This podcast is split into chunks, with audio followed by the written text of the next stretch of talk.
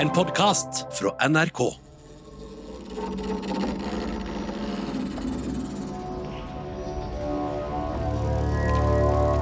London, august 1606. Kongen av England holder fest for en celeber gjest. Kongen av Danmark-Norge, Christian Kvart, er på besøk. Den engelske kongen gir gjestene en teaterforestilling. På snirklete stoler sitter dansker og engelskmenn og følger med på mennene på scenen, som er utkledd som tre hekser. På den tida var det bare menn som var skuespillere. Mennene spilte dameroller nå, dem. De tok på seg en bh som de stappa noen sokker oppi, og så snakka de i falsett. Og alle sammen syntes det var den naturligste ting i verden.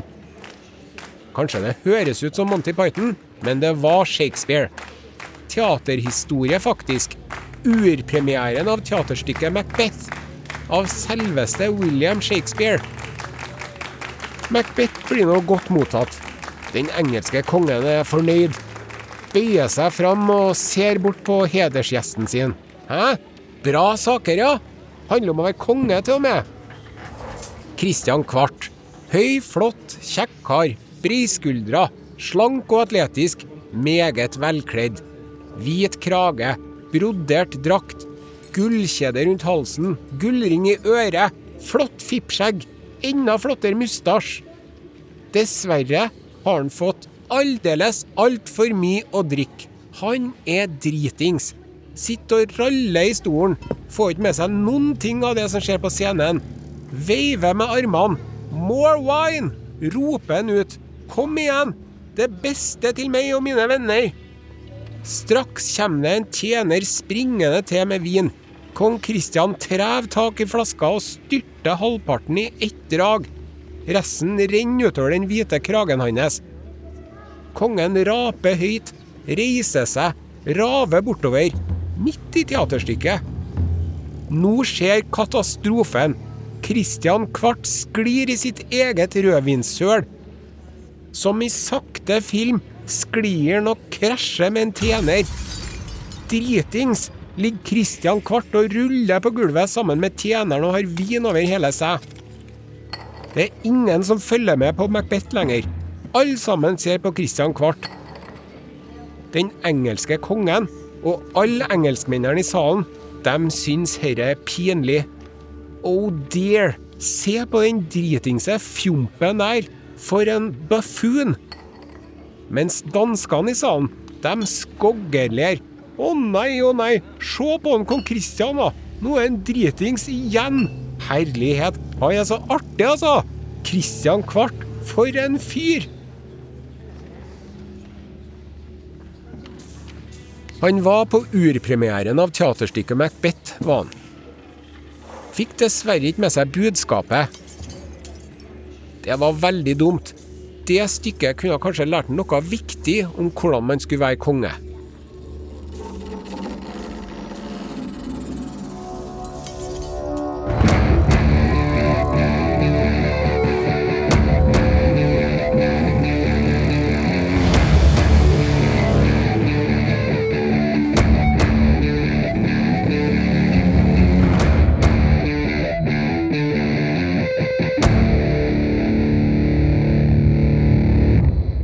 Hører Kongerekka med Are Sende Osen, sesong fire. En podkastserie om de norske kongene. Episode fem Fredrik den andre og Christian Kvart. Kongen som var altfor mye.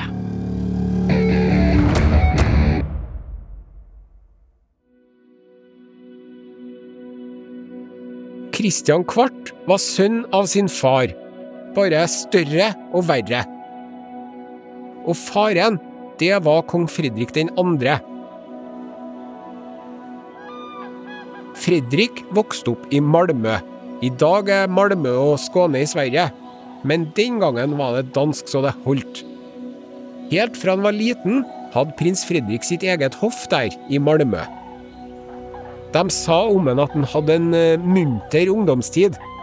Munter er vel da et eh, kodeord her for partyprins. At en levde utsvevende og kanskje gjorde en del dyrekjøpte erfaringer. som Mette-Marit sa. Partyprinsen tok én tur til Norge som 14-åring. Var tydeligvis ikke noe imponert, for det ble med det besøket. Han kom aldri tilbake.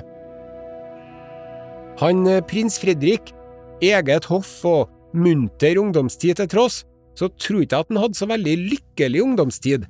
Han var tvert imot veldig ulykkelig.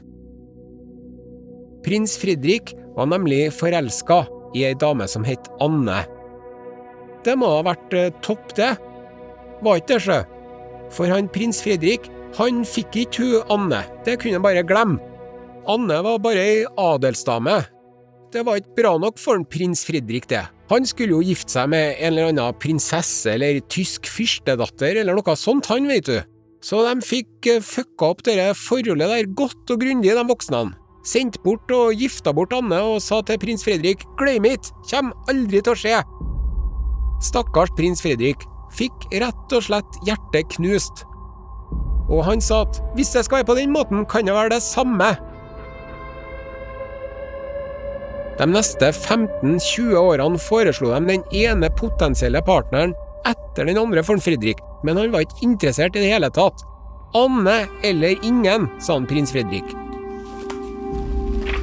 Han prins Fredrik, når han skulle lese i ei bok, så begynte bokstavene å flyte over i hverandre og vri seg rundt og snu seg opp ned og rene syretrippen. Og når han skulle skrive, var det enda verre. Så det er nesten ingen brev som er bevart fra en Fredrik den andre. I mange år var det mange som mente at en Fredrik var dum, rett og slett. Men i dag så sier de nei da, han var ikke dum, han var ordblind og tallblind, dysleksi og dyskalkuli. Er ikke det litt artig at det ordet som skal beskrive at du har det vanskelig med vanskelige ord, er et av de vanskeligste ordene som finnes? Dysleksi. Der.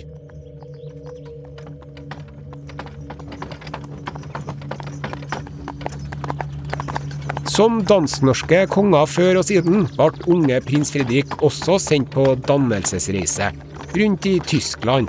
Han for og besøkte tyske slott og hoff og fyrstefamilier, og der var det ingen som mente at han var dum. Tvert imot.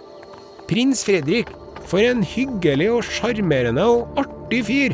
Skikkelig trivelig type. Da prins Fredrik var 25 år, døde faren hans, og Fredrik ble konge. Kong Fredrik den andre.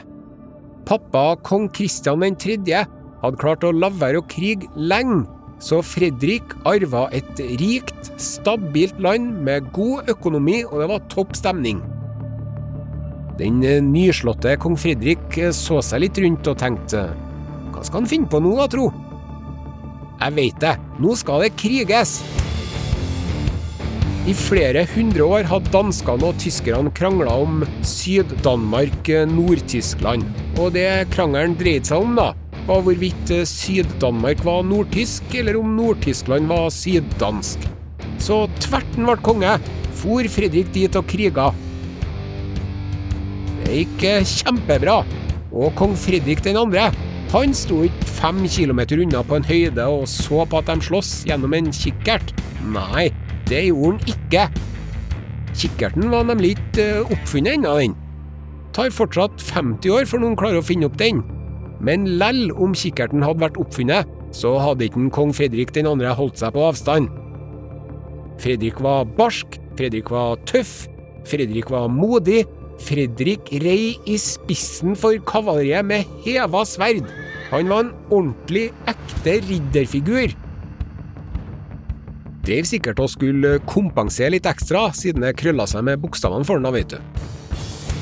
Han var god til å jakte òg, og det drev han med mye. Nå for tida er det ikke lov å kombinere jakt og alkohol. Sånn var det ikke den gangen. Jakt og drikkelag var kong Fredrik sin spesialitet. Hvis en kong Fredrik skulle diskutere noe viktig med fyrster eller adelsfolk eller viktige herrer fra inn- og utland, i stedet for å kalle inn til konferanse med møteplan og agenda og flippover og grupperom, så sa han du, nå drar vi på jakt. Så gjorde de det. De rei litt innover skogen, hadde med seg et lass med tjenere og bord og stoler og senger, sofaer og gryter og telt og krystallglass og Vinkjeller, ja kanskje ikke selve kjelleren, da, men i hvert fall nok vin. Og all slags mulig utstyr og egen kokk, og når de hadde ridd litt, så tok de seg en bedre lunsj. Var ikke noe real turmat, nei. Mesterkokken diska opp. Og så satt han der og kosa seg mens tjenerne for og rota i skogen og hoia og ropte og klappa med hendene. og Så kom det en hjort springende ut, eller en fasan flygende, eller kanskje ei åkerhøne, eller kalkun, eller dådyr, eller harer, eller villsvin springende rett foran dem, og så drepte de det dyret, da. Enten de nå jakta på det ene eller det andre, kong Fridrik sine jakt- og drikkelag var så bra.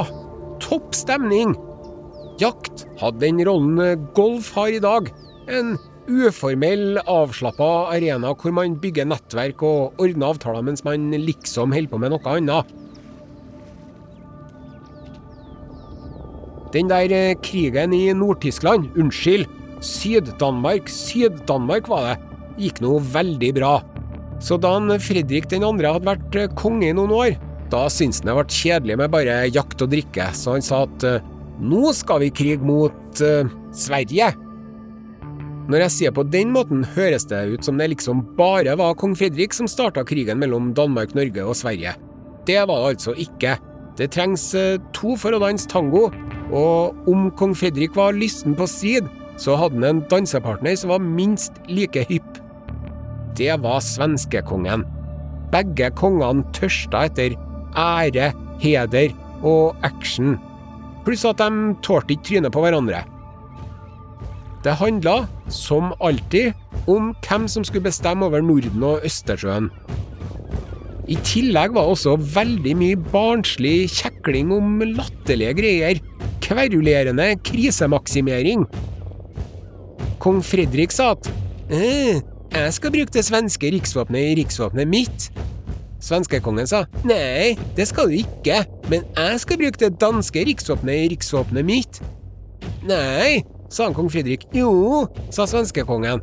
Og så sa begge to i kor fritt for å bruke den norske riksløven i riksvåpenet mitt. Nei, jo, nei, jo. Sånn holdt de på.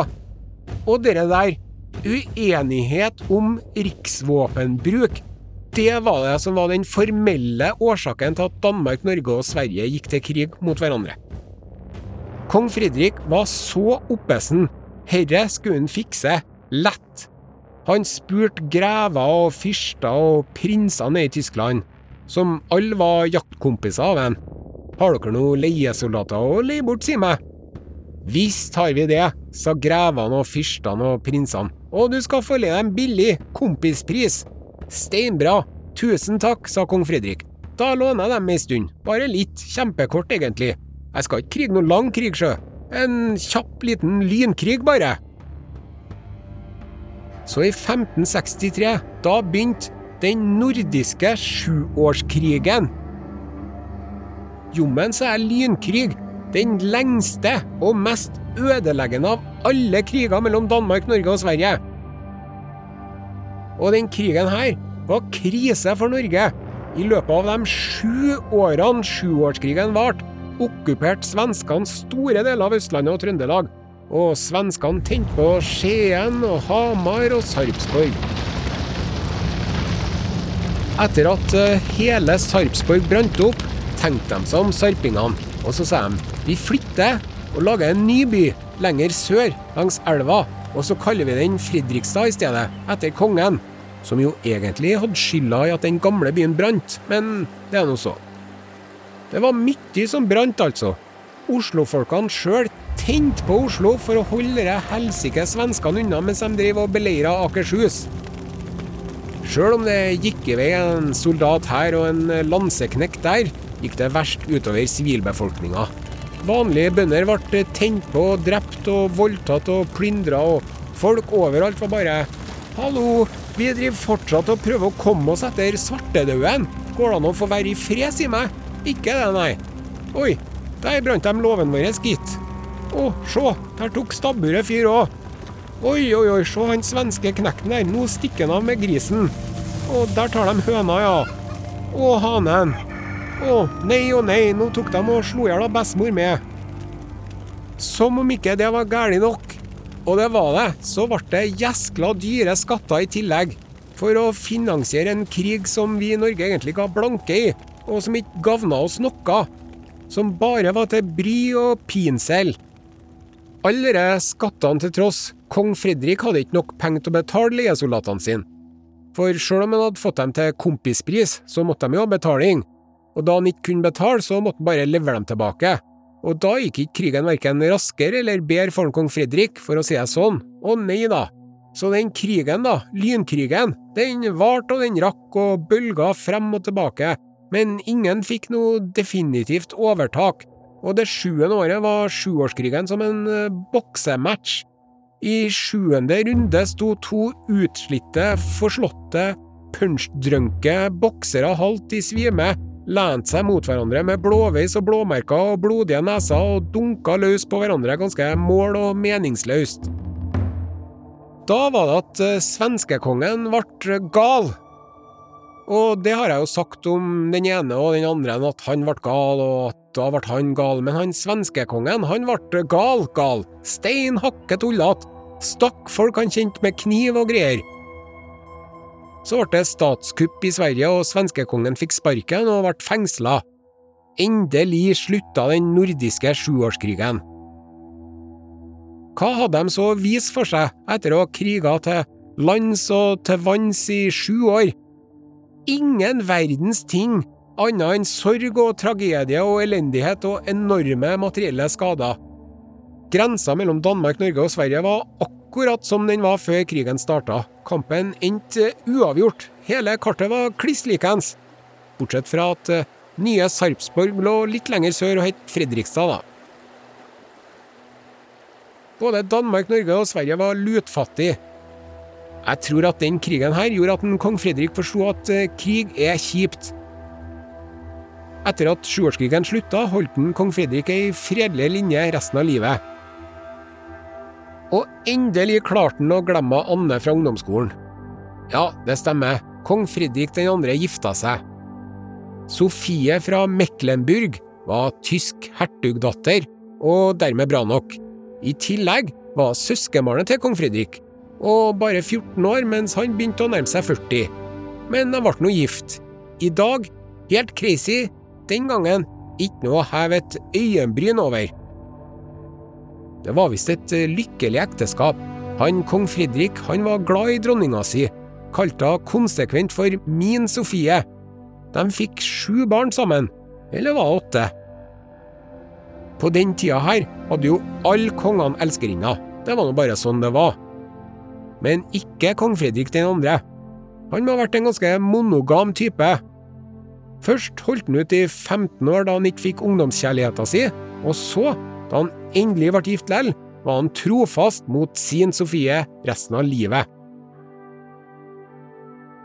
Nå ble Fredrik den andre en riktig bra konge, han hyra inn en daglig leder for bedriften Danmark-Norge, som fikk ansvaret for å få økonomien på fote igjen og reise kjerringa. Og han rådgiveren der, han var smart og dyktig, så det begynte å gå bedre med riket.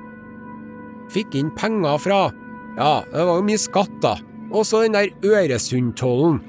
Alle som skulle gjennom Øresund med båten sin, måtte betale skatt.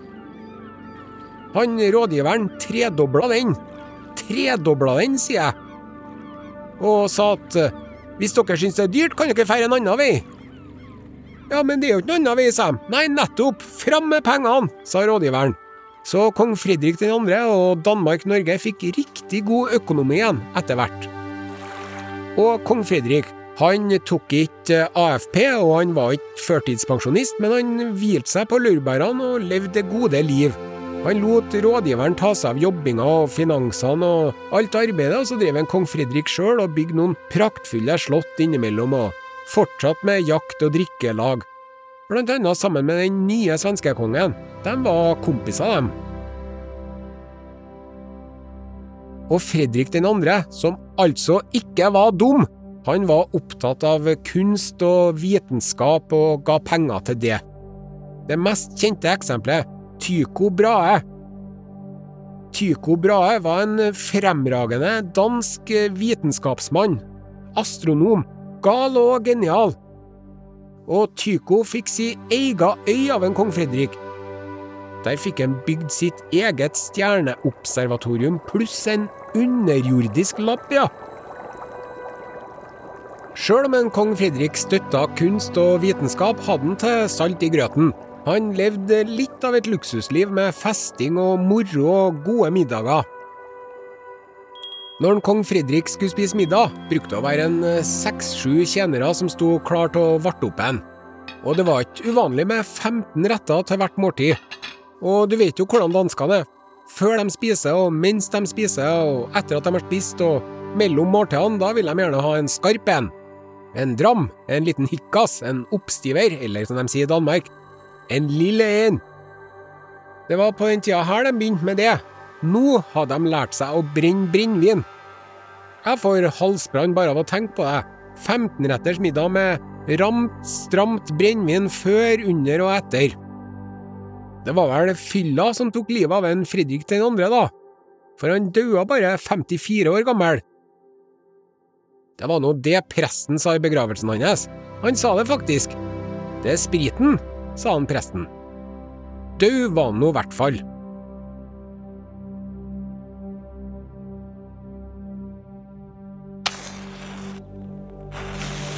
Dermed er vi ferdig med forretten, skal bevege oss over på hovedretten, Kristian den fjerde, Kristian Kvart.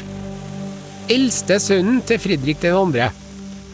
Kristian Kvart ble konge som elleveåring.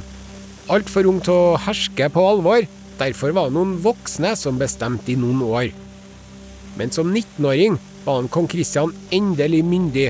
Da ble han krona til konge. I København i 1596. Den kroningsfesten, den var helt ellevill. Det var ikke måte på heller. Nyslåtte mynter med Christian Kvart sitt ansikt ble kasta ut til folk. Fontener som det spruta vin ut av, både rød og hvit. Gratis mat til alle. 1700 lam, 1200 gjess, 35 000 vinglass og ikke pølse på pinne, okse på spyd. Fanger ble sluppet fri fra fengsel, og fyrverkeri ble smelt av oppe i himmelen. Det var et makeløst megaparty, herre, som ga gjenlyd i hele Europa, og folket elska han. De elska kong Kristian, og kong Kristian elska piker, vin og sang, og øl og dram og mat. Men han hadde drøssevis av talenter og god utdanning i mange fag, Alt mulig fra historie og rettslære til ballspill og skipskonstruksjon og fekting. Snakka fem forskjellige språk, velformulert på alle av dem. Han Christian Kvart, som ung var han flott og velbygd. Og så gikk det som det gikk, han ble feit og svær og ekkel etter hvert. Han hadde crazy hårfrisyre, kort oppå, litt lenger på sidene, og så hadde han en sånn lang rottehale nedover venstresida. Så helt for gæli ut. Men Christian Kvart sa at nei da, dette er kjempestilig, det. Og dermed så sa alle sammen at visst er det det, dritstilig. Og så tygde han kanel. Det var voldsom luksus. Kanel var skitdyrt. Den måtte man til India for å hente. Men kong Christian Kvart sa at jeg skal tygge kanel lell. Christian Kvart var stinn av penger, og det skulle være deilig å kline med han. Han skulle ikke ha dårlig ånde. For han drev og klina, og ikke bare det. Christian Kvart fikk over 20 unger. Han hadde en offisiell dronning, og så hadde han ei uoffisiell ekstrakone, og så hadde han elskerinna. Og så fikk han unger med alle dem her. De ungene som han fikk med andre enn dronninga, de fikk etternavnet Gyldenløve. Og sjøl om de aldri ble konge, alle de løsungene hans, så fikk de viktige stillinger og mye penger og høy status. Starta en trend der. Kjem mange gyldenløver i årene framover. Noen av dem får ansvaret for Norge. En av dem, Christian Gyldenløve, han ble stiftamtmann i Bergen som treåring. Og sjef for det norske postvesen som seksåring. Han eh, Christian Kvart, man trenger ikke å like han, men det er vanskelig å ikke være imponert.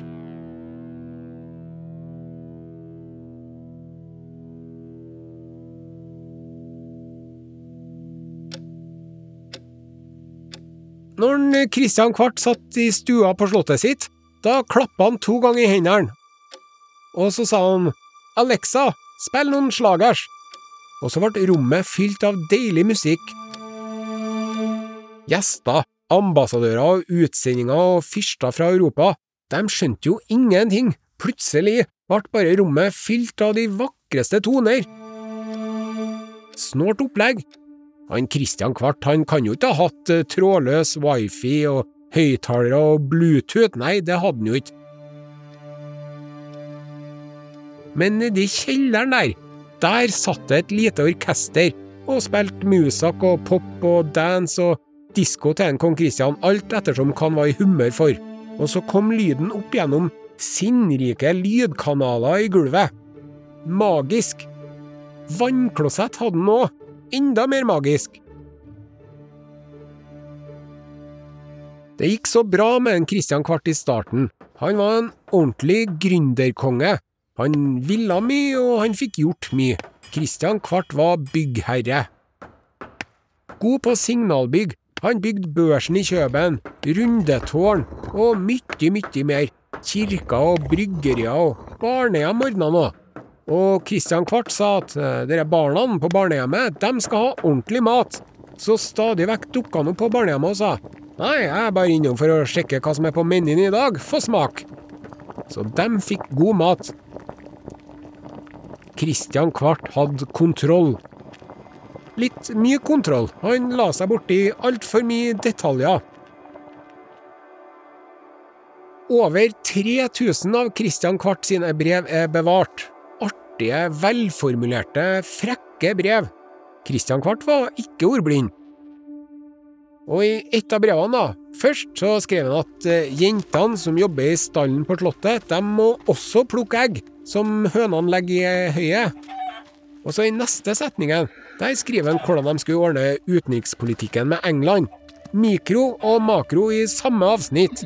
La seg borti stort og smått. Mange av prosjektene han satte i gang, gikk rett på dunken, men det spilte ikke noen rolle. Pengene strømma inn i skattkammeret uansett. Han Christian Kvart han tjente så mye penger på denne Øresundstollen, og Christian Kvart satt på pengene og bestemte og delte ut konsesjoner og monopoler og gjorde avtaler. og Kristian Kvart satt som en edderkopp i midten. Eller, det blir litt feil det bildet der, for han satt ikke mye i ro, nei. Kristian Kvart var høyt og lavt, her, der og overalt. Kristian Kvart grunnla byen Kongsberg. Der grev de etter sølv. Og så mente Kristian Kvart at uh, Gjeskla snålt at det ikke finnes noe ordentlig by mellom Arendal og Stavanger. Det må vi få gjort noe med. Jeg vet det. Vi kaller den byen for Kristiansand. Og så brant Oslo igjen i 1624. Da satte kong Kristian fingeren på kartet. Her! Her skal byen ligge, sa han. Vi flytter byen litt lenger opp der, fra gamlebyen og opp bak Akershus festning. Og nå heter den ikke Oslo lenger, men Kristiania. Rette, fine gater skal vi ha òg. Og hus av mur som ikke tar fyr så lett. Jeg er lei av at byen brenner hele tida.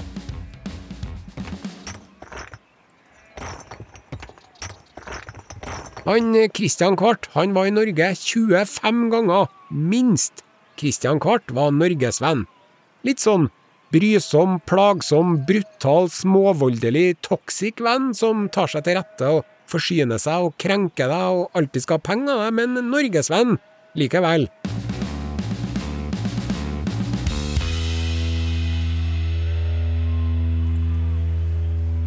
På den tida her da var grensene på Nordkalotten høyst uklar, så Russland, Sverige og Norge hadde forskjellig oppfatning av hvem som skulle bestemme over hva. For eksempel mente den russiske tsaren at Vardø, det er noe russisk, ja. Christian Kvart sa at det er det nå ikke. Vardø er norsk, jeg mener dansk, selvfølgelig. Skal jeg vise dere? Dermed så seilte Christian Kvart nord til Finnmark, i spissen for en flåte på åtte skip. Og det toktet lyktes. Tsaren feiga ut, og det er mange som mener at den grensa Norge har i dag mot nord, den kan vi takke en Christian Kvart for. Men i hvert fall da, på det toktet der, da, så ville ikke kongen at han skulle bli gjenkjent. Kristian Kvart reiste inkognito. Han hadde et eh, dekknavn. Nei, ikke Michelin. Han kalte seg for Christian Fredriksen. Så du skulle ikke akkurat være kodeknekker i verdensklasse for å avsløre det pseudonymet der. Men uansett så hadde Christian Kvart gitt klar beskjed om at hvis noen sladrer om at jeg er kongen, så skal de dø. På veien hjem var det en av kongens musikanter. For han Christian Fredriksen måtte jo ha med seg musikk på cruiset sitt, selvfølgelig, som stjal ei svart katte av en samisk kvinne. Han hornblåseren hoppa om bord med katta under armen og samekona gråtende etter. Så ble det dårlig vær. Ja, enn det, du, at det blir dårlig vær på havet utafor Finnmark. Hva kan det komme av? Nei, det må være trolldom, det, mente de. Det er sikkert hun samedama som vi stjal katta til, som har heksa uvær på oss. Og så ville de slå i hjel den svarte katta for å komme seg unna forbannelsen. Enda den katta der var så kul, hadde sjarmert kongen til og med. Jeg mener, sjarmert herr Christian Fredriksen inkognito. Så sjøl om styrmannen og mange andre ville drukne katta, så sa han Christian Fredriksen blankt nei. Skal ikke drukne denne katta der, nei. Så enden på visa da, var at de putta katta i balje sammen med mat og drikke, og så fira de den sakte ned i havet. En liten kattelivbåt, kan du si. Og så regna de med at eieren, hun trollsamekjerringa, kom til å styre bølger og vind så katta kom seg hjem igjen. Den historia her er jo ganske søt, rett og slett. Kan si det sånn. Alle historier om hekser og trolldom som ikke ender med lukta av svidd hår og bacon, er kjempebra. For Christian Kvart var opptatt av hekser, og drev og tente på dem. Trollmenn og trollkvinner og trollfolk, det trodde han på. At de faktisk fantes, og drev og festa med jævelen og fløy med han og hadde orga med han oppe i lufta og i det hele tatt. Og de heksene, dem likte han ikke. Så under Kristian Kvart begynte hekseprosessene å ta av. Og det er sinnssyke greier. Hvis du bare så skjevt på noen, bokstavelig talt, kanskje de fikk vondt i magen etterpå. Ai, ai, hekseri. Og før du visste ordet av det, så hadde du bitta fast til en påle og tent på. Disse hekseprosessene de holdt de på med i hele Europa. Mens dette foregikk i flere hundre år, ble kanskje 100 000 mennesker etterforska for hekseri. Halvparten av dem voff, tent på! Og av alle plassene i hele verden, hvor ble det tent på flest mennesker i forhold til folketallet? Det var nok i Finnmark, det. Over 300 mennesker ble brent i Norge. Noen av dem jenter som ikke hadde fylt tolv år ennå. Det her var en del av kongens moralske korstog. For det var ei tid full av fyll og vold og fråtseri og løsaktighet og all slags moralsk forfall. Kong Kristian Kvart ville stramme inn. Det ble forbudt med luksusklær og overdådige fester for vanlige folk. Og han innførte strenge lover mot sex utenfor ekteskapet. Kongen befalte i 1617 at hvis noen lå sammen uten at de var gift, da måtte de betale feite bøter, og kvinnene, sjølsagt, skulle avlegge offentlig skriftemål i kirka. Og hvis de gjorde det igjen, da måtte de i fengsel. Og hvis de fortsatte etter det, da skulle de piskes offentlig til blodet rant. Og i verste fall så var det dødsstraff. Jeg tenker at eh, hvis kirka hadde beholdt det der med sexhistorier fra virkeligheten på søndagene, så hadde de ikke slettet med glisne benkerader sånn som de gjør nå. Men eh, morallovene gjaldt jo ikke ved hoffet, og selvfølgelig ikke for kongen sjøl, denne gravbukken. Kristian Kvart var konge av Danmark-Norge, og rik og mektig og høy og flott og kjekk, sjøl om han begynte å legge seg ut litt med en deilig, frisk ånde av nytygd kanel og rottehale. Men lell så var han ikke fornøyd. Han tenkte på de gode, gamle dager da Danmark-Norge hadde Sverige òg, Han òg ville ha Sverige. Og det var jo mye knuffing og gnisninger og småkrangling med Sverige om grenser og handel og økonomi og kontroll, og Kristian Kvart sa til riksrådet kan ikke vi gå til krig mot Sverige? Nei, sa de riksrådet, vi gidder ikke. Så venta kong Kristian litt, og så spurte han igjen, enn nå, da, kan vi gå til krig mot Sverige nå? Fortsatt nei fra riksrådet. Men han Kristian Kvart, han ville ha krig, og han skulle ha krig. Han var som en unge i baksetet. Kan vi gå til krig mot Sverige snart? Så den siste gangen Riksrådet sa nei til krig mot Sverige, da sa han Kristian Kvart at greit, hvis idiotene i Riksrådet nekter meg å gå til krig mot Sverige som konge av Danmark-Norge, da går jeg bare til krig mot Sverige som hertug av Slesvig-Holstein, for det er jeg òg, er ikke noe verre enn det. Kristian Kvart var nemlig så rik, han var en av verdens rikeste mennesker, han var så rik at han kunne gå til krig mot Sverige alene. Og da sa riksrådet ok da, siden du kommer til å gå til krig enten vi vil eller ikke, så får du få viljen din da, sjø. For de tenkte at på den måten kom riksrådet til å ha litt de skulle ha sagt, i hvert fall. Så starta Kristian Kvart krigen sin, og erobra en by og en borg i Sverige, og var så fornøyd. Svenskekongen var ikke fornøyd. Svenskekongen var 60 år gammel og sjuk og svak og dårlig bak og døden nær i tillegg. Han døde bare noen måneder etterpå. Men lell så sendte han et brev til sin 24 år yngre kollega og rival og spurte du, istedenfor at eh, flere soldater skal være nødt til å dø, enn om vi møtes vi to kongene i stedet, mann mot mann, og slåss, og så tar vinneren alt? Denne syntesen Christian Kvart var så komisk at han sendte brev tilbake. Du din gamle narr, ta og sett deg ved kakkelovnen din og varm deg og få en lege til å sjekke den sjuke skolten din. Og flere sjikaneringer også, så den kongelige duellen ble ikke noe av. Den krigen gikk ikke så verst. Han Christian Kvart fikk full kontroll på mye av det de krangla om, nordområdene og Øresundtollen og noe andre greier. Men lell, men lell, han fikk ikke erobra Sverige, da. Så sjøl om han vant Kalmarkrigen, som de kaller den, så fikk den gjenoppretta Kalmarunionen. Så det var Det var greit, men det var ikke topp stemning, nei. Kristian Kvart, stinn av penger og smart og intelligent og oppvakt, hadde fått høre hele livet gjennom at han var best, og at han var spesiell og unik. Og bortsett fra de vrangpeisene i Riksrådet, var nok eh, omgitt av mye yes-menn. Altså folk som jatta med og sa 'du er best, Kristian'. I dag ville vi kanskje sagt at han er lei av stormannsgalskap.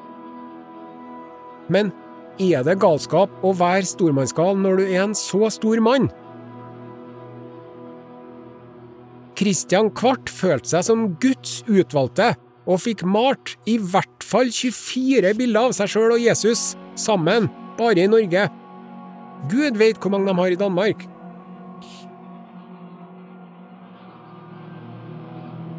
Nede i Europa var det storkrig på gang, 30-årskrigen.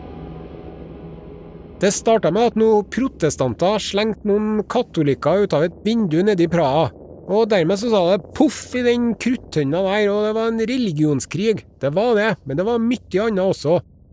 Både katolikker og protestanter sloss med og mot hverandre, og i tillegg hadde du flere varianter av protestanter som ikke tålte trynet på hverandre. Keiseren i Tyskland var katolsk, og det var mengder av protestantiske tyske fyrster som var i opposisjon mot han. Og det vepsebordet der, det ville han Christian Kvart bort og pirke borti. Han ville faktisk bli leder for protestantlaget mot keiseren. Delvis fordi han var stormannsgal, og dels fordi at hvis ikke han blanda seg bort i 30-årskrigen, da kunne svenskene finne på å gjøre det og stikke av med all æra og moroa. Så Kristian Kvart sa til riksrådet vi melder Danmark-Norge inn i 30-årskrigen. Glem ikke, sa riksrådet. Keiseren er altfor mektig å legge seg ut med, og dessuten, Gud veit hva de gjeskla svenskene kan finne på mens vi har ryggen bar og kriger nede i Europa. Ikke å gjøre det, Kristian! Men staboken Kristian Kvart, han sa til slutt at greit, da går jeg inn i 30-årskrigen som hertug av Slesvig-Holstein, da. Hvis dere skal være sånn. Jeg trenger ikke dere for å krige. Nei, kan krige alene. Nå drar jeg. Og så for han til Tyskland med en hær på 20 000 soldater. Vet du, fram til nå så hadde Christian Kvart hatt hell og medgang i alt han foretok seg. Men nå snudde det. Med jobben og helsa og kjærlighetslivet og alt. Under et slag i Tyskland datt han av hesten og slo seg fælt, og hele hæren hans ble utsletta omtrent. Og så kom tyskerne og jaga danskene hele veien langt opp i Danmark, helt nord til Skagen, og det hjalp ikke hvor mye riksrådet ropte at hallo, det var jo ikke som konge av Danmark Kristian Kvart gikk til krig mot dere, det var som hertug av Slesvig-Holstein. Kartoffel, kartoffel, sa de tyske soldatene og herja og brant og rana og voldtok og plyndra og sto på. Og Kristian Kvart bare hm, jeg som syntes krig var så artig og spennende, kan jeg virkelig ha tatt feil? Han fikk ordna en fredsavtale og meldte seg ut av 30-årskrigen, men herre viste jo for all verden at Kristian Kvart ikke var så mektig og sterk og uovervinnelig som alle hadde trodd.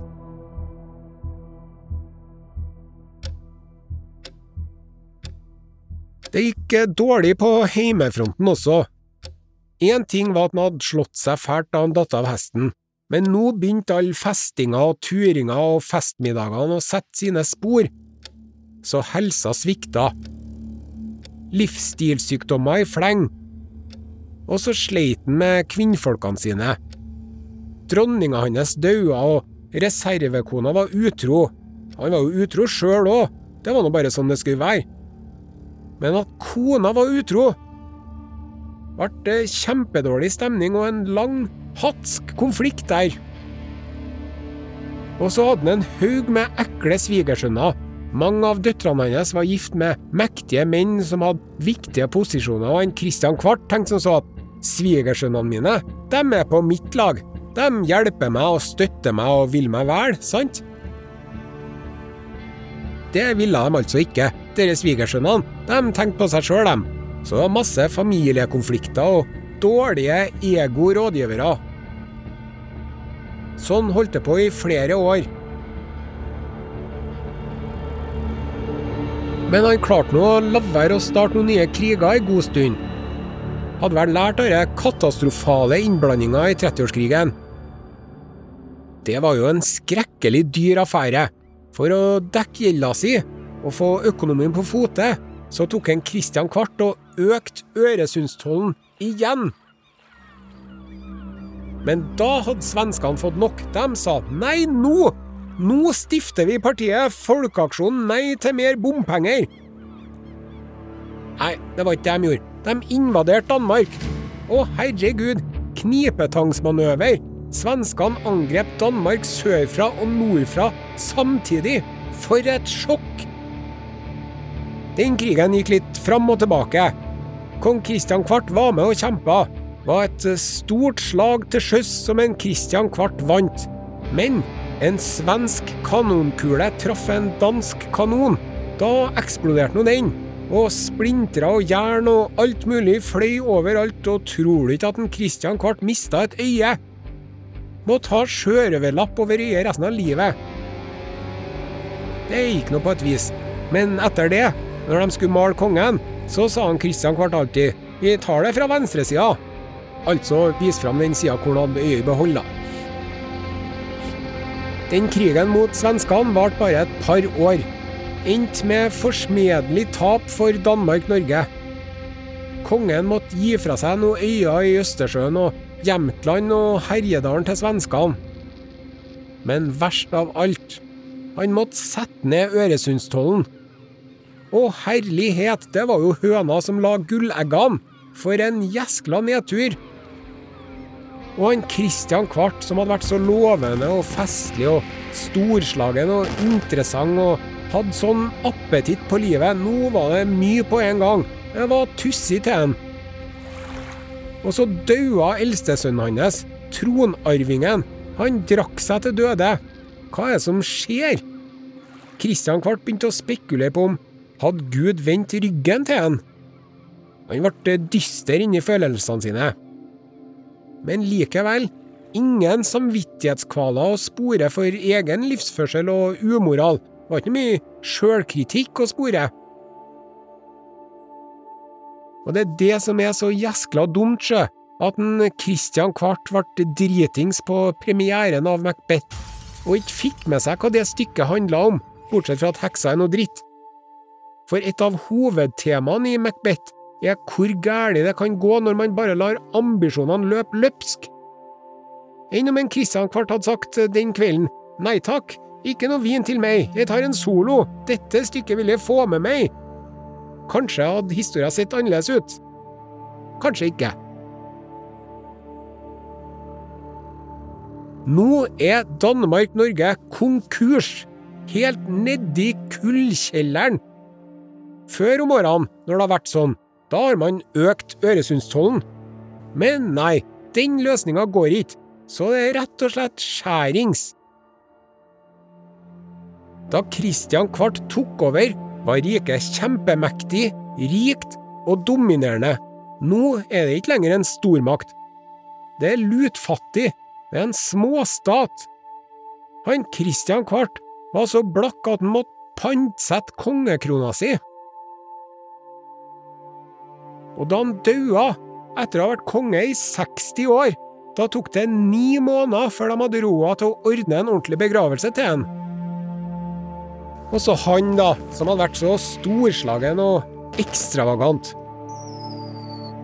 For en berg-og-dal-bane! Nå må det vel gå oppover igjen? Neste konge er i hvert fall en helt annen type. Avdempa og innadvendt. Er det bra?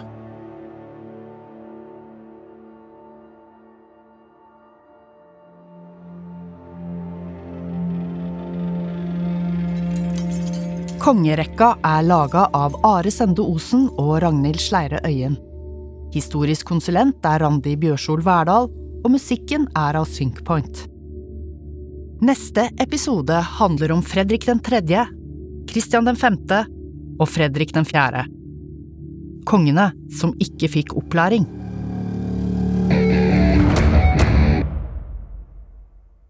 Hallo, Sven og Torfinn fra podkasten Gal og genial her. Hallois!